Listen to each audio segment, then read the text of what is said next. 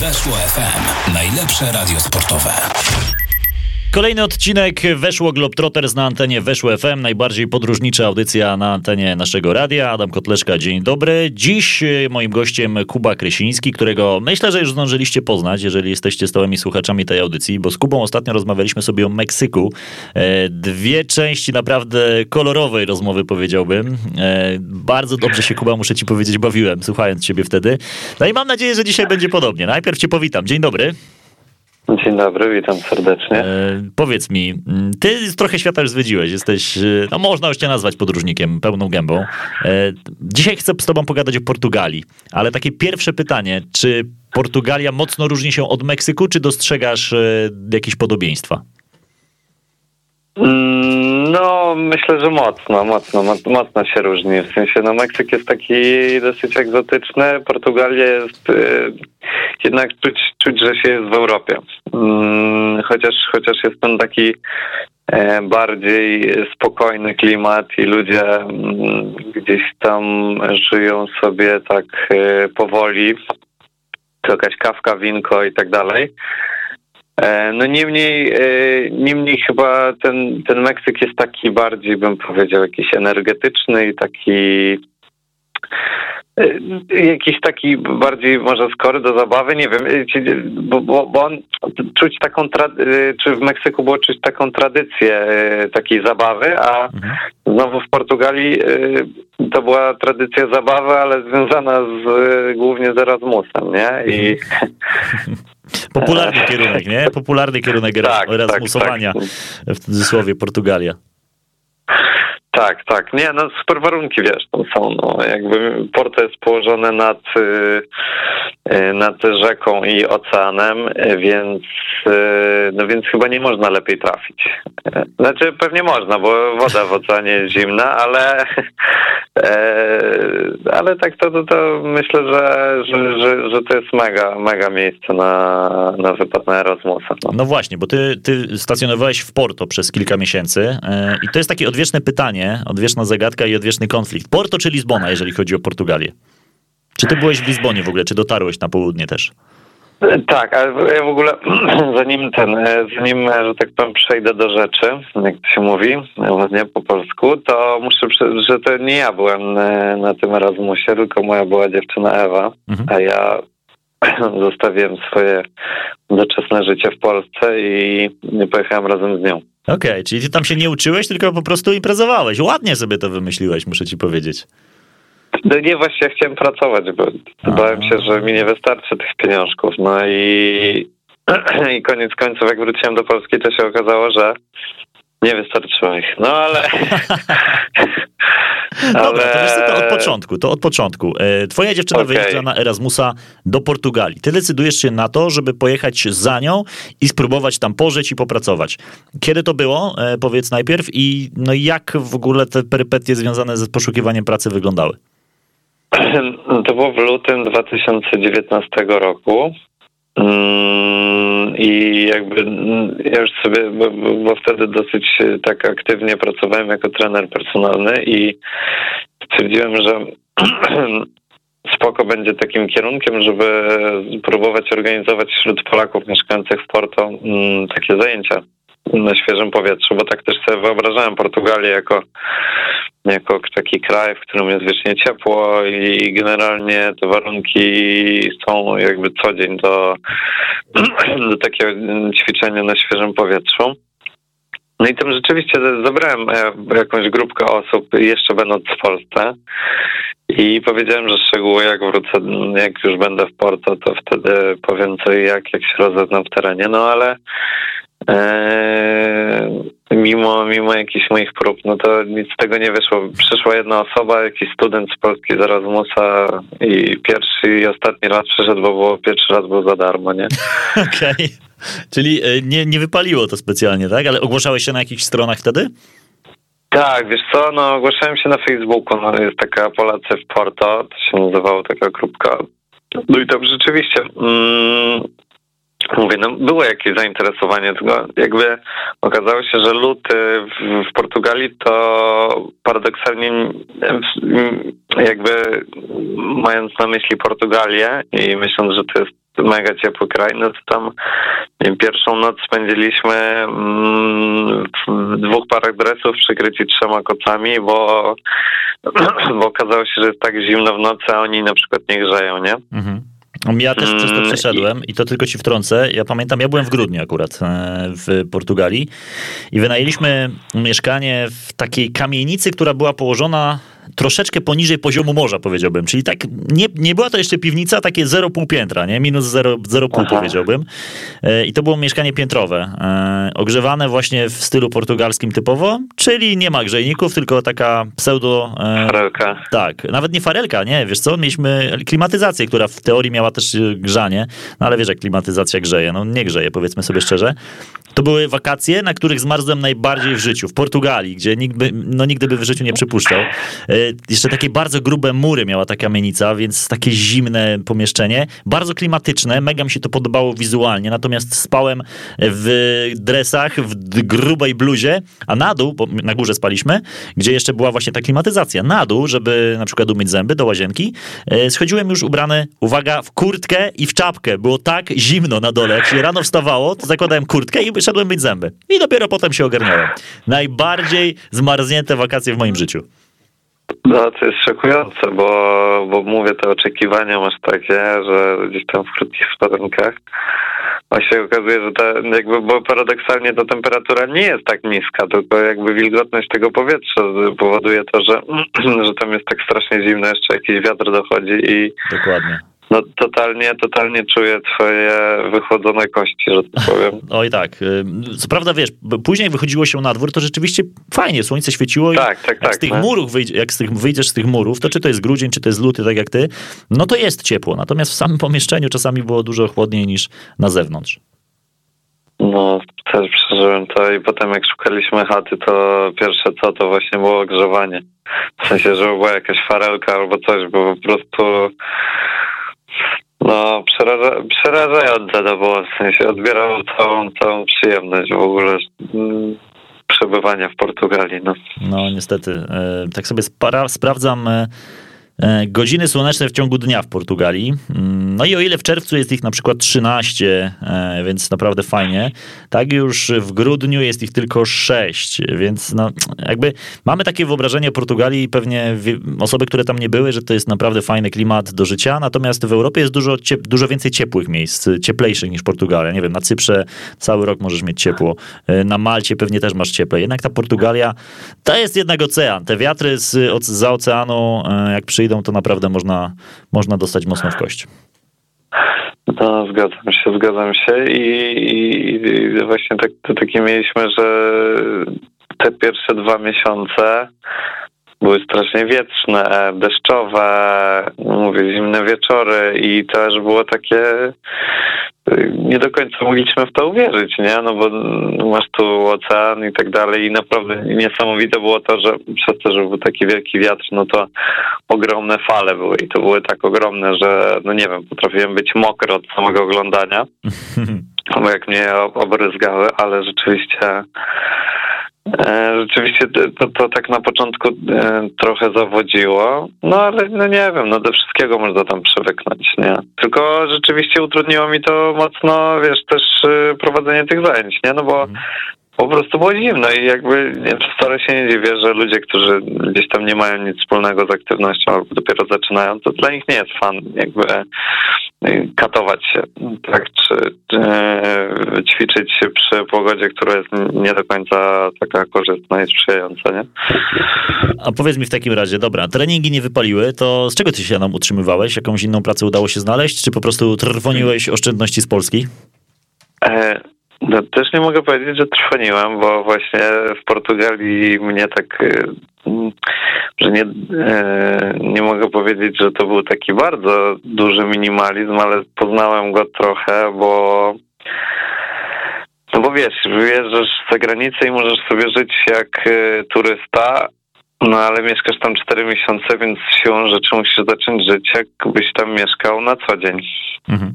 E, no i jakby zacząłem po prostu patrzeć, gdzie tam ludzie chodzą, e, gdzie jedzą lunche, nie gdzie jedzą turyści, żeby był widok na, na rzekę, tylko rzeczywiście gdzie, gdzie się żywią miejscowi, gdzie kupują miejscowi. No i poznałem sporo knajpek, chodziłem, wiesz, na jakieś lokalne, lokalne targi, wypatrywałem tam promocji, no bo miałem na to wszystko czas, nie? Eee, ale wiesz, trochę przy, przywiozłem oszczędności jeszcze z Polski, co udało mi się zarobić na treningach personalnych. No ale to wiadomo, że to miało być na start, bo docelowo zakładałem, że że, że, że, że ta grupa wypali i chociaż te 5 euro od osoby jakby było, to no to po prostu na życie wystarczyło, nie? I E, I tak, no ale w pewnym momencie dostałem, dostałem takiego dzwona i generalnie gdzieś tam sięgało aż jakichś takich stanów depresyjnych, powiem ci szczerze, no bo wyjeżdżasz gdzieś do Portugalii, masz jakieś zajebiste oczekiwania wobec, e, wobec życia tam, e, a koniec końców okazuje się, że nie do końca masz po co wyjść z domu, no bo już nie chce się oglądać tej starówki, czy tego kościoła, czy nawet my mieliśmy w pierwszym mieszkaniu widok z, e, z piątego piętra czy siódmego na, na rzekę wpływającą do, do oceanu, nie? No to nie najgorszy widoczek. Nie najgorszy, ale wiesz, jakby do wszystkiego człowiek yy, przywyknie yy, prędzej czy później. Zwłaszcza gdy mówię, no gdy nie do końca cię to cieszy i nie zastanawiasz się, kurde, po co ty tu jesteś w ogóle, nie? Mhm. Zdałem sobie z tego sprawę, że nic nie wyjdzie z tych treningów, więc po prostu chyba pierwszy raz w swoim życiu wydrukowałem z 50 CV. Mhm. No i chodziłem od knajpy do knajpy, rozdawałem CV, ee, mówiłem, że mam doświadczenie w gastronomii. A miałeś? E, no i chodziłem czasem do knajp, wiesz. Miałeś doświadczenie z tej drugiej strony, ze strony jakby klienta, nie obsługi. Tak, tak, tak. Y, nie no, raz byłem na bankiecie kiedyś. A, okej. Okay. No Muszę przyznać, ale to raz. No jakby. I byłem kelnerem, tak, to... E, e, no i co? No i generalnie chodziłem od knajp do knajp, ale wiesz, jak, ja mam taką teorię, że jak, jak gdzieś ruszysz tą energię i zaczniesz się interesować tym, żeby znaleźć pracę, no to, no to prędzej czy później zaczniesz przyciągać pewne takie sytuacje. No i e, my chodziliśmy, bo znaleźliśmy taką mega, mm, mega hippie można nazwać, taką, takie community, e, takie miejsce, mm, gdzie chyba 10 osób e, z różnych krajów, z różnych krańców świata wynajmowało taki budynek. I tam każdy z nich miał pokój mm, i oni od środy chyba do soboty organizowali w każdy dzień taki poczęstunek. E, I w ramach zapłaty to był donation box, czyli płacisz no, tak, tak zwana, jak w kościele się mówi, ofiara, nie? Co łaska. Co łaska. E, plus VAT oczywiście, jak to w kościele. I co? I generalnie tam sobie chodziliśmy, a ludzie tam, którzy tam przychodzili, byli nieprzypadkowi, bo to wiesz, to byli, to byli ludzie, którzy chcieli żyć wolniej, którzy, którzy nie mieli tak wielu potrzeb, którzy, e, którzy gdzieś tam nie wiem, czy szukali też swoich dróg, ale wiesz, to są tacy, to, tacy ludzie, y, którzy żyją dosyć skromnie, ale paradoksalnie mogą ci bardzo dużo zaoferować. I poznajesz mega sporo takich ludzi, możesz się zainspirować. Kuchnia tam była wegetariańska i wegańska głównie, czyli dla nas, w sensie dla mnie mega spoko, no bo ja nie jem mięsa już już rok przed Portugalią chyba nie jadłem. Okay. Chociaż tam mi się zdarzało trochę, bo było takich e, sporo e, jakichś e, ciekawych. No ale dobra, to jakby abstrahując od tego, poznałem jakąś Włoszkę i, i tak od słowa do słowa ja powiedziałem, że szukam pracy, ona powiedziała, wiesz co, ja dzisiaj miałem pierwszy dzień w pracy mm, i chyba nawet dalej szukają ludzi. Będę przewodnikiem rowerowym po Porto. O. No i ja mówię, no spoko. Jakby jestem dwa miesiące i mam być przewodnikiem, czy tam, nie, z półtora miesiąca może bardziej, i mam być przewodnikiem rowerowym po Porto. Dosyć wcześnie jak na taką robotę, ale mm, koniec końców e, po prostu powiedziała, żebym tam do nich pojechał. Powiedział, że jestem od niej, to była Sofii chyba, ona się nazywała, Sofii Włoch. I po prostu, żebym powiedział, że, że, że, jestem chętny na to, żeby, żeby tam pracować i jakby, ale była też, bo to była wypożyczalnia rowerowa mm, i oni mieli różne rodzaje tam rowerów i elektryczne, bo Porto jest trochę górzyste, więc jakby e, rowery, rowery elektryczne świetnie się sprawdzają, jak masz tam gdzieś pod górkę. Takie hardkorowe wejście. Mhm zwłaszcza jak jesteś turystą. No i e, no ale do, do czego zmierzam? E, tam była ta wypożyczalnia rowerów, mm, ale oni też jakby prowadzili wycieczki, wycieczki rowerowe dla turystów. No i co? No i pojechałem tam, zaczęliśmy rozmawiać i po prostu powiedzieli, żebym następnego dnia przyszedł do pracy i pojadę na taką próbną wycieczkę z, z przewodnikiem, który już tam pracuje jakiś czas. Po prostu za darmo będę brał udział w tej wycieczce razem z innymi turystami i, i zobaczę, czy w ogóle mi się to podoba. Więc jakby taki układ dla mnie był mega spoko, bo nie musiałem ani nic też nic nie musiałem jakby im obiecywać, ani oni mi, tylko po prostu mówiliśmy się, że jakoś tam zobaczymy, jak, jak mi się będzie podobało i wtedy, jeżeli będzie mi się podobało, to będziemy dalej myśleć. No i rzeczywiście, taka 3,5 godziny, taka wycieczka wzdłuż rzeki Douro. Mm, potem jest taka, taka była przeprawa łódką na drugą stronę do Via Nowa de Gaia. E, no i tam po drugiej stronie jakaś w międzyczasie można się zatrzymać z tymi turystami na kawkę, herbatkę. No ale masz jakby kilka tak zwanych pit stopów, na których musisz opowiadać o Porto i jakby no wiesz, no moja znajomość Porto nie była zbyt, zbyt duża, no po, po miesiącu czy po półtora. No ale nie spodobało mi się. Tak. Mhm. Nie mogła być jakby, no tak, wiesz, siłą rzeczy, no myślę, że też bym miał problem, żeby E, ludzi oprowadzać po Warszawie no, w tym momencie. Ale gdybym, gdybym wiedział, że chcę to robić i do tego się zaczął przygotowywać, no to pewnie jakby potrzebowałbym paru dni, czy paru czy tam może, może troszeczkę dłużej, no i, i bym wiedział mniej więcej, jak ja chcę to przeprowadzić, nie? Bo, to, bo to głównie o to chodziło. Mhm. No dobra, poszedłeś e, na tę pierwszą wycieczkę. Jakie wrażenia na tobie to wszystko wywarło? Yy no w ogóle, w ogóle mm, bardzo, bardzo ciekawi ludzie tam przede wszystkim brali udział w tych wycieczkach, bo ta wycieczka paradoksalnie nie była taka tania. W sumie nie wiem, czy paradoksalnie jest dobrym słowem, ale dobra, nieważne. Eee, wycieczka była, nie wiem, kosztowała gdzieś pod 30 euro od osoby mhm. i głównie brali w niej udział albo ludzie z Ameryki, ze Stanów Zjednoczonych, albo, albo z Anglii.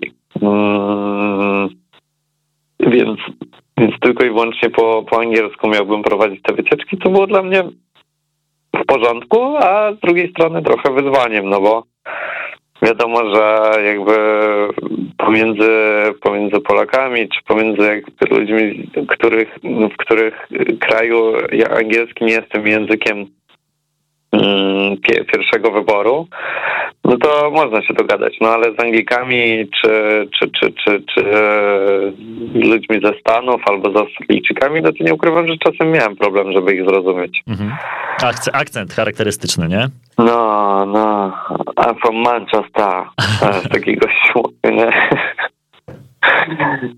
E, no i co? I, I w ogóle znaczy, miałem w ogóle super takie odczucie, że to jest zajebisty pomysł na przeprowadzenie wycieczek, no bo jakby chodzenie od kościoła do kościoła piechotą jest mega uciążliwe. Jakby ja teraz trochę generalizuję mm, jakby przewodników i jakby takie typowe wycieczki, ale sama forma jazdy na rowerze i oglądania tych wszystkich rzeczy mhm. na pewno nie jest tak nużąca, a dodatkowo aktywność fizyczna mm, w postaci jazdy na rowerze uważam, że jest super połączeniem. No. Mhm. No pewnie, że tak. W ogóle zainteresowanie takimi wycieczkami było duże? Czy ludzie raczej wolą spokojne, wiesz, chodzenie y, na pieszo, spokojne, zamiast y, rowerowanie, pedałowanie cały czas? Wiesz co? No, nie musieli, robili... sorry, bo to były rowery elektryczne, tak? To chyba nie musieli pedałować. Nie, nie, nie, nie, nie, właśnie, właśnie, właśnie oni mieli, to były stacjonarne rowery. A, okej. stacjonarne. Nie, ro- nie stacjonarne. No w sensie stacjonarnych zwykłe. To się w Polsce, e, tak, tak, tak, zwykłe, bo na stacjonarnych to się w Polsce pranie wiesza, nie? tak, one służą jako taki e, przejście, taki czyściec. To są jeszcze ubrania niezbyt brudne, żeby już je prać, ale już nie takie czyste, żeby je chować do szafy. To wtedy zostają właśnie na rowerze. Właśnie. E, No i co? I wiesz co, no tak ze dwie minimum dziennie były te wycieczki. Czyli, czyli gdzieś tam zapotrzebowanie na tych, na tych przewodników było. Niektórzy przewodnicy tam mówili po francusku, jeszcze inni po hiszpańsku, jeszcze inni po portugalsku. No, za- zainteresowanie było i, i dlatego też przewodnicy byli potrzebni. No. A to też nie była jakaś robota taka, że, yy, że codziennie musiałem być. No bo, no bo można nazwać, że była jakaś tam konkurencja. No. Okej. I, I po prostu dzwonili. Yy, na, na, na pewno pierwszeństwo mieli przewodnicy, którzy, którzy gdzieś tam byli dłużej, nie? Ale koniec końców, no 10 wycieczek zrobiłem, także, yy, także jestem z tego bardzo zadowolony. No. Jak to bardzo, e, jak to dobrze, czy też słabo była płatna praca? Mm, Dobrze można było na to zarobić? E, No wiesz co, tam miałem stawkę, za te 3 godziny miałem 17,5 euro, czyli no to nie jest jakaś wysoka, wysoka stawka, no ale zawsze do tego minimum te 10 euro było tipa. Mhm. Od, e, bo, bo Amerykanie po prostu wszystkim dają e, napiwki, co jest Co jest dla fajne. nas, ludzi pracujących w usługach, super. Eee, by o nich tam nie mówić, to, to, to zawsze z jakąś tam wdzięcznością w postaci banknotów nas zostawiali. No więc wiesz, tak około 30 euro za takie 3 godziny, no to uważam, że to nie jest, eee, nie są najgorsze pieniądze, jak na to, żeby tam się Mhm. no, nie wiem, utrzymać, żeby ci starczyło na jedzenie jakieś tam podstawowe rzeczy. No ale to też nie są jakieś. kokosy. No ale to sam powiedziałeś, że to też nie zawsze miałeś regularnie te prace, bo e, to za- zależało od zapotrzebowania, tak? Czyli nie miałeś czegoś takiego, że byłeś pewny, że w ciągu tygodnia wyrobisz tyle i tyle wycieczek, więc podejrzewam, że potrzebowałeś jeszcze jakiejś dodatkowej aktywności, żeby zarabiać. No tak, ale mm, tak, takowej nie było. Ehm, no i jeszcze tam od czasu do czasu pomagałem im w tym sklepie rowerowym, w sensie w tej wypożyczalni. Tam się czyściło rowery po tych wycieczkach, bo je się wystawiało, wiesz, tak na żeby ten przewodnik miał gotowe w zależności tego, ile potrzebuje. Mm, Ale ja tak szczerze mówiąc, to ja nie jestem, wiesz, za bardzo ogarniający, jeśli chodzi o takie manualne sprawy związane z, z tymi rowerami, więc dla mnie to tam była taka ostra improwizacja i jak przychodziło do czegoś trudniejszego, to ktoś mi pomagał. No ale, ale, ale, ale przynajmniej dost, ale dostawałem za to też e, normalnie płat. Normalnie miałem płatne za to, więc, e, więc jakby spoko. Okej. No dobra, E, to powiedzmy, że już w tej Portugalii się powoli urządzasz. E, Nie dość, że jesteś od półtora miesiąca, już ludzi oprowadzasz po Porto, to w dodatku masz już mniej więcej za co żyć. E, Jak się w ogóle żyje? Jak droga jest Portugalia do życia w takim razie opowiedz? Jak już się jest tam na miejscu, bo no, turystycznie zawsze trochę inaczej jednak jest w danym kraju, a ty już można było powiedzieć, że no, stawałeś się mieszkańcem. Tak, no myślę, że spoko jakbym zaczął od tego, że mm, od y, wynajmu mieszkania, a właściwie pokoju, bo to myślę, że może dawać jakie, jakieś takie spojrzenie na to, jak, e, jak to tam wygląda. I szukaliśmy pokoju jeszcze będąc e, tutaj w Polsce, ale jakieś takie mieliśmy, jakąś taką mieliśmy nieufność do tego i stwierdziliśmy, że wynajmiemy dwie doby w hostelu i, i jakby z tego hostelu zaczniemy sobie czegoś szukać. Znaleźliśmy, no tam oczywiście po znajomości przez Facebooka jakoś ktoś polecił takiego Pedro, który wynajmował e, właśnie jeden pokój i on kosztował 350 euro. Za miesiąc? Tak. Okej. No, więc e, jak sobie porównam e, do cen polskich, to to jest dosyć dużo. Mhm. No. E, no bo to jest dosyć dużo, no bo to jest no prawie półtora tysiąca, nawet więcej chyba, tak? No, za, Za, jak, wiesz, za pokój. za jeden pokój, pokój to jest który- tak, to jest całkiem sporo. No w Warszawie pokoje, no też zależy w sumie gdzie, no ale taka cena raczej z górnej półki myślę za pokój. Za pokój. No właśnie, a wiesz, my mieliśmy w standardzie łóżko, jakieś z Ikei, Czyli standard Ikea no, tak bardziej zwany. materac, tak, i, i gdzieś, no mówię, no to jest super, był, był ten jakby widok z okna, który był nie, niemałym atutem. Mhm. No ale Pedro y, to był 40-letni bezrobotny, można tak go nazwać, i imał się pracy po prostu takiej, jaka była. No, tak jak sobie spojrzałem czasem na niego i na siebie, to nie widziałem wielu różnic, mimo tego, że nas tam dzieliło z 15 lat. Okej.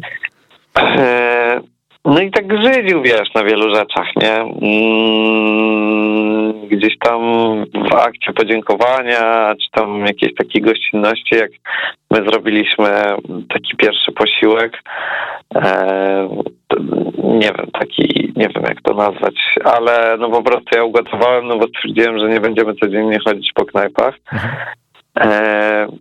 No to on przyniósł na przykład y, wino w kartonie, e, Okej. które kosztowało, wiesz, tam jeden euro, nie? I, no i, on się, i on się raczył takimi, e, takimi oto trunkami, ale co się potem okazało, raczył się też innymi substancjami, Psychoaktywny. co mogło psychoaktywnymi, tak.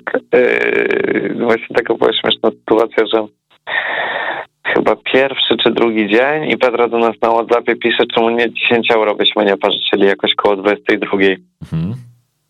A ja tak e, tam Ewa nie miała, ja mówię, dobra, wiesz, stary, nie ma problemu, masz 20 euro, oddasz mi tam, jak będziesz miał, nie?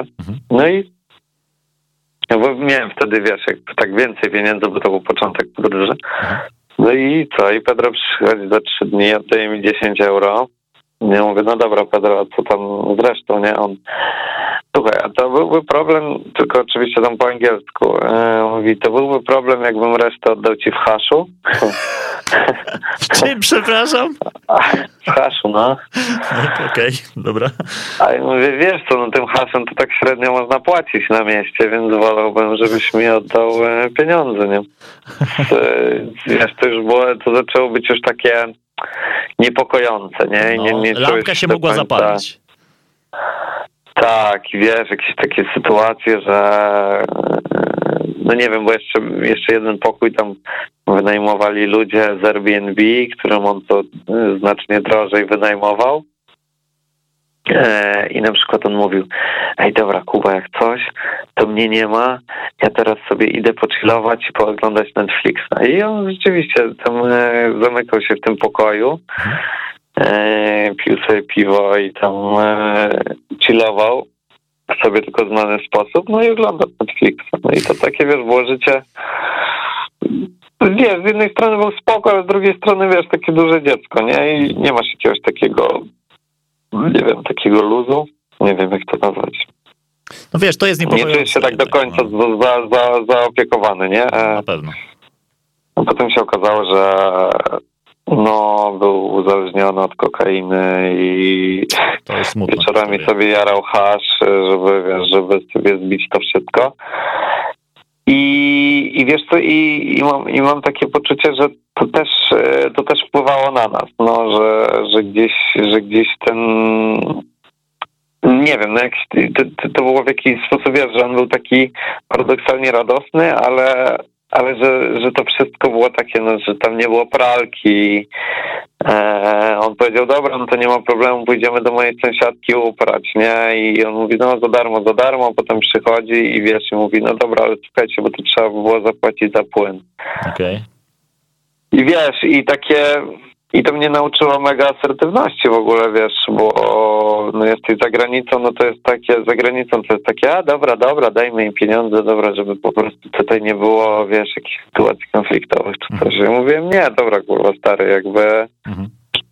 mówiłeś, że, że będzie tak, no to zostańmy przy tym, co mówiłeś, no a nie, że tam odkręcasz mhm. sytuację. Więc mieliśmy piękny pokój z widokiem na, na rzekę i ocean, ale ale warunki były nie do końca. No i mieliśmy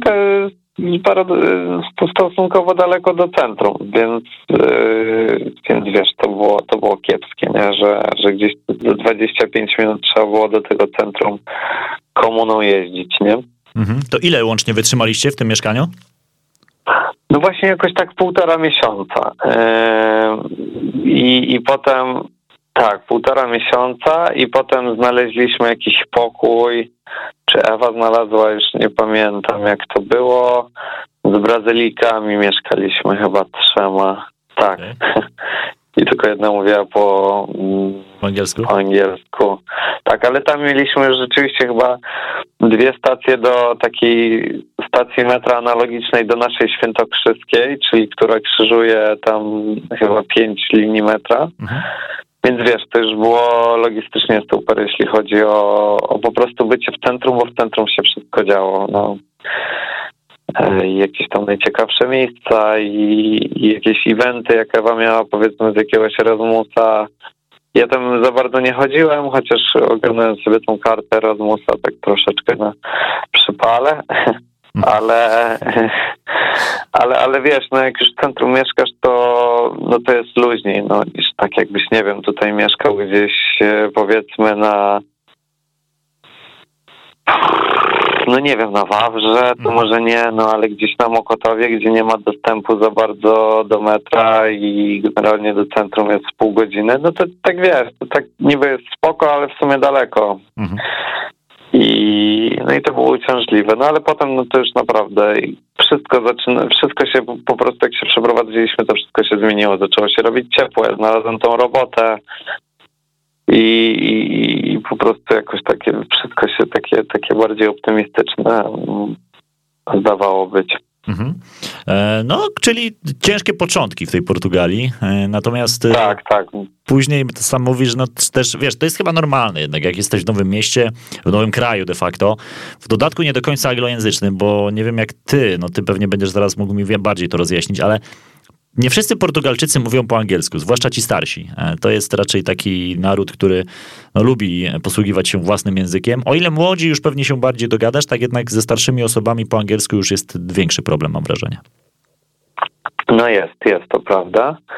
E, zwłaszcza, że ten portugalski znacznie się różni od hiszpańskiego, który jest dosyć intuicyjny. Portugalski jest znacznie cięższy, jest taki bardziej jakiś twardy, twardy w wymowie, więc yy, wiadomo, na jakiś tam podstaw się staraliśmy uczyć, ale, ale to wszystko, wszystko po prostu no, utrudnia, utrudnia, tak jak mówisz, nie? Mhm. E, ale, ale z drugiej strony może to jest może to jest fajne, może to jest takie, że, że oni tak zachowują tą swoją kulturę i nie do końca nie do końca się tak, nie do końca chcą się przekonać do, do, do języka angielskiego i wtedy można to wszystko tak tak autentycznie pooglądać tych ludzi w kawiarniach, tych, tych, tych starszych dziadków, którzy wiesz, stoją na przykład we czterech nad, nad ławeczką i, i grają tam w karty, wiesz, w środku parku. Albo albo gdzieś sobie piją, piją winko z takich szklaneczek, takich yy, naj, naj, najtańszych po prostu. E, wszędzie, wszędzie sobie piją kawkę, jakieś, jakieś niesamowite te pieka, w sensie w każdej kawi kawiarence masz świeże wypieki, które mnie kusiły codziennie. To było takie bardzo, bardzo urokliwe, że, że oni jednak tam, mimo tego, że to port jest dosyć turystyczny, to oni jednak tam takim swoim tempem, dosyć powolnym żyją i i, i w większości mają się dobrze. Mhm. A wróćmy jeszcze do tego tych kosztów życia. Powiedziałeś nam, jak wygląda e, cena mieszkania. To była w ogóle taka cena średnia, czy to raczej wy trafiliście na takie drogawe mieszkanie? Czy, czy raczej jak szukałeś tych ogłoszeń, to wszystkie się oscylowały, zamykały właśnie w takim przedziale cenowym? Myślę, myślę, że to, że, że, to było jakoś tak, e, że to była jakaś taka średnia cena za wynajem, bo potem tyle samo płaciliśmy za, za tamten pokój, który był znacznie większy i bliżej metra, no ale, ale miał znacznie gorszy widok na przykład. Czyli mm, koniec końców, no można było znaleźć, e, nie wiem, jakiś tam pojedynczy pokój w znacznie gorszym standardzie, no ale ale to chyba nie gra nie warta świeczki, no tak sobie myślę, że, że wiesz, że po prostu warto czasami więcej dopłacić, no, żeby, żeby mieć, nie wiem, bliżej do centrum. Czy, no, pewnie tak, bo ostatecznie to i tak ci się pewnie gdzieś tam e, wyjdzie na zero z tymi dojazdami. No, no, mimo tego, że miałeś lewą kartę Erasmusa. Jak się w ogóle załatwia lewą kartę Erasmusa? W jaki sposób to zrobiłeś? E, no po prostu Chyba zresztą gadaliśmy o tym w Meksyku, jak, e, o, jak gadaliśmy o Meksyku tutaj z naszym El Tunelo. Mhm. To on mówił, że tam nagabywał tych chyba koleżków e, w Barcelonie, żeby, żeby załatwiali sobie te karty. Nie, no po prostu wszedłem tam na pewniaczka i no nie na pewniaczka, dobra, nie na pewniaczkę, teraz tak gadam, że na pewniaczka, ale byłem trochę taki zawstydzony, wiesz, że przyjdzie i chce, że przyszedłem i chcę ich tak trochę oszukać. Wydrukowałem po prostu taki, taki formularz, dałem swoje zdjęcie, tam napisałem, że jestem z Wydziału Sportu, jakiejś takiej uczelni sportowej. Ona istniała żeby chociaż? przynajmniej wiedział. Słucham? Istniała ta uczelnia chociaż? Tak, tak, tak, istniała, bo tam wiesz, tak jak, bo to się robi internetowo i, i po prostu jakiś tam ten wniosek chyba internetowo, potem drukujesz i im przynosisz coś takiego, to mhm. wiesz, tak to wyglądało. Okej, okay. czyli udało się, no, no kontynuuj. I, no i co? No i dzięki temu były jakieś zniżki. No ten surfing sobie ogarnąłem, wiesz, tam chyba za 50 euro mieliśmy 10 zajęć, więc to było mega spoko. To bardzo dobra cena, rzeczywiście. E, dobra, to jeszcze zaraz, zanim do surfingu przejdziemy, to jeszcze o te koszta życia cię dopytam odnośnie na przykład y, no, stołowania się. No bo wiadomo, jesteś turystą, idziesz do tych najbardziej popularnych knajp, wydajesz na pewno więcej niż lokalni. Czy w Portugalii jedzenie na co dzień jest drogie? Wiesz co? Mm, myślę, że ceny lunchowe, tam, bo, mm, tam jest tak, że masz e, śniadanie, najpierw no to śniadanie powiedzmy to jest taka jakaś kawka i tak jak wspomniałem jakiś słodycz, mm, czy jakaś taka nie wiem, na przykład taki naj, najpopularniejsza taka babeczka z budyniem, to się nazywa pastel de nata i to można, nie wiem, taki zestawik zjeść za, nie wiem, półtora do dwóch euro. Mhm z kawką, e, z espresso albo tam jakąś tam przedłużaną. E, I potem masz lunche. Lunche zwykle są przez jakieś tam przez jakieś 3 godziny, powiedzmy tam od 12 do 15 czy do 16. Potem wszystko się zamyka i, i na kolację się otwierają znowu. Ale na przykład taki Mm, takie lunche, które już sobie znaleźliśmy, mm, które zawierały w sobie zupę, które zawierały w sobie drugie danie, często deser i kawę i jeszcze czasem pieczywo do zupy, no to można było za 5-6 euro e, jakby sobie, sobie znaleźć i rzeczywiście tak się... Aha, jeszcze wino do tego dawali, zapomniałem. Okay. jeszcze wino do tego dawali, czyli wiesz, to jakby tak y, bardzo dobrze to wychodziło. Bardzo, bardzo to się opłacało. Mhm. Czyli da się... I... Czyli da, da się tanio, da się tanio. Do tego zmierzam. Da się, tylko wiesz, no jakby to sztuka po prostu wejścia no, w to miasto, nie? No bo, bo gdzieś potrzeba, wiesz, z tym głodem to jest najtrudniej, nie? No jak jesteś głodny, to nie ma czasu, żeby szukać. Mhm. Czasem się przepłaca. Mhm. Ale jak już jesteś dłużej i masz czas i, i, i gdzieś tam też zacząłem, przecież zacząłem grać w piłkę, to zacząłem a, poznawać ludzi, którzy tam mieszkają i stołują się na co dzień. No to zaraz dostałem listę knajp, w których można było tanio zjeść i wiesz, nie było żadnego problemu, żeby zjeść sobie jakiś, mówię, posiłek tutaj za 3,5 euro, czy tutaj za 4 euro. Taki naprawdę solidny. Ale to mówię, no to wszystko, wszystko kwestia czasu, który, który trzeba ci tam włożyć w poszukiwania. No. Wiesz, co mnie zastanawia? Okej, okay, bo ty mówisz o stołowaniu się, a to czy to jest rzeczywiście opłacalne? Nie lepiej czasami po prostu zrobić większe zakupy w jakimś markecie i tam sobie w domu już gotować? Czy, czy w Portugalii rzeczywiście jest tak tanio w knajpach, że wyjdzie ci to prawie na jeden do jednego, jeżeli będziesz znał te odpowiednie miejsca i nie, nie trzeba sobie gotować w domu? Jak to wygląda? A nie, no to wiesz, to ja y, jeśli chodzi o to, no to, mm, to ja jakby sobie założyłem, że, że będę gotował tak często i, i jak, jak, to będzie możliwe. E, oczywiście mm, mówię to logistycznie, trzeba sobie tam rozplanować y, w zależności od tego, jak wygląda twój dzień, no ale ja na początku dużo przebywałem w domu nie wiem, jak Ewa na przykład wychodziła na jakieś zajęcia, no to ja miałem czas, żeby właśnie pójść sobie do takiego Pingo Dos, to się nazywało. I to był taki odpowiednik e, Biedronki. Zresztą w ogóle to jest, e, to jest Biedronka. To, w sensie, bo ten właściciel portugalski tak. Biedronki założył to Pingo Dos, a w Polsce założył po prostu Biedronkę. No i to tam e, rzeczywiście jest część produktów, które są takie same jak w Polsce i rzeczywiście rzeczywiście jest tam e, te ceny są wybliżone, bym powiedział. Więc warto było gotować, wiesz, warto było gotować w domu. Tylko no wiadomo, że czasem no to i ten czas i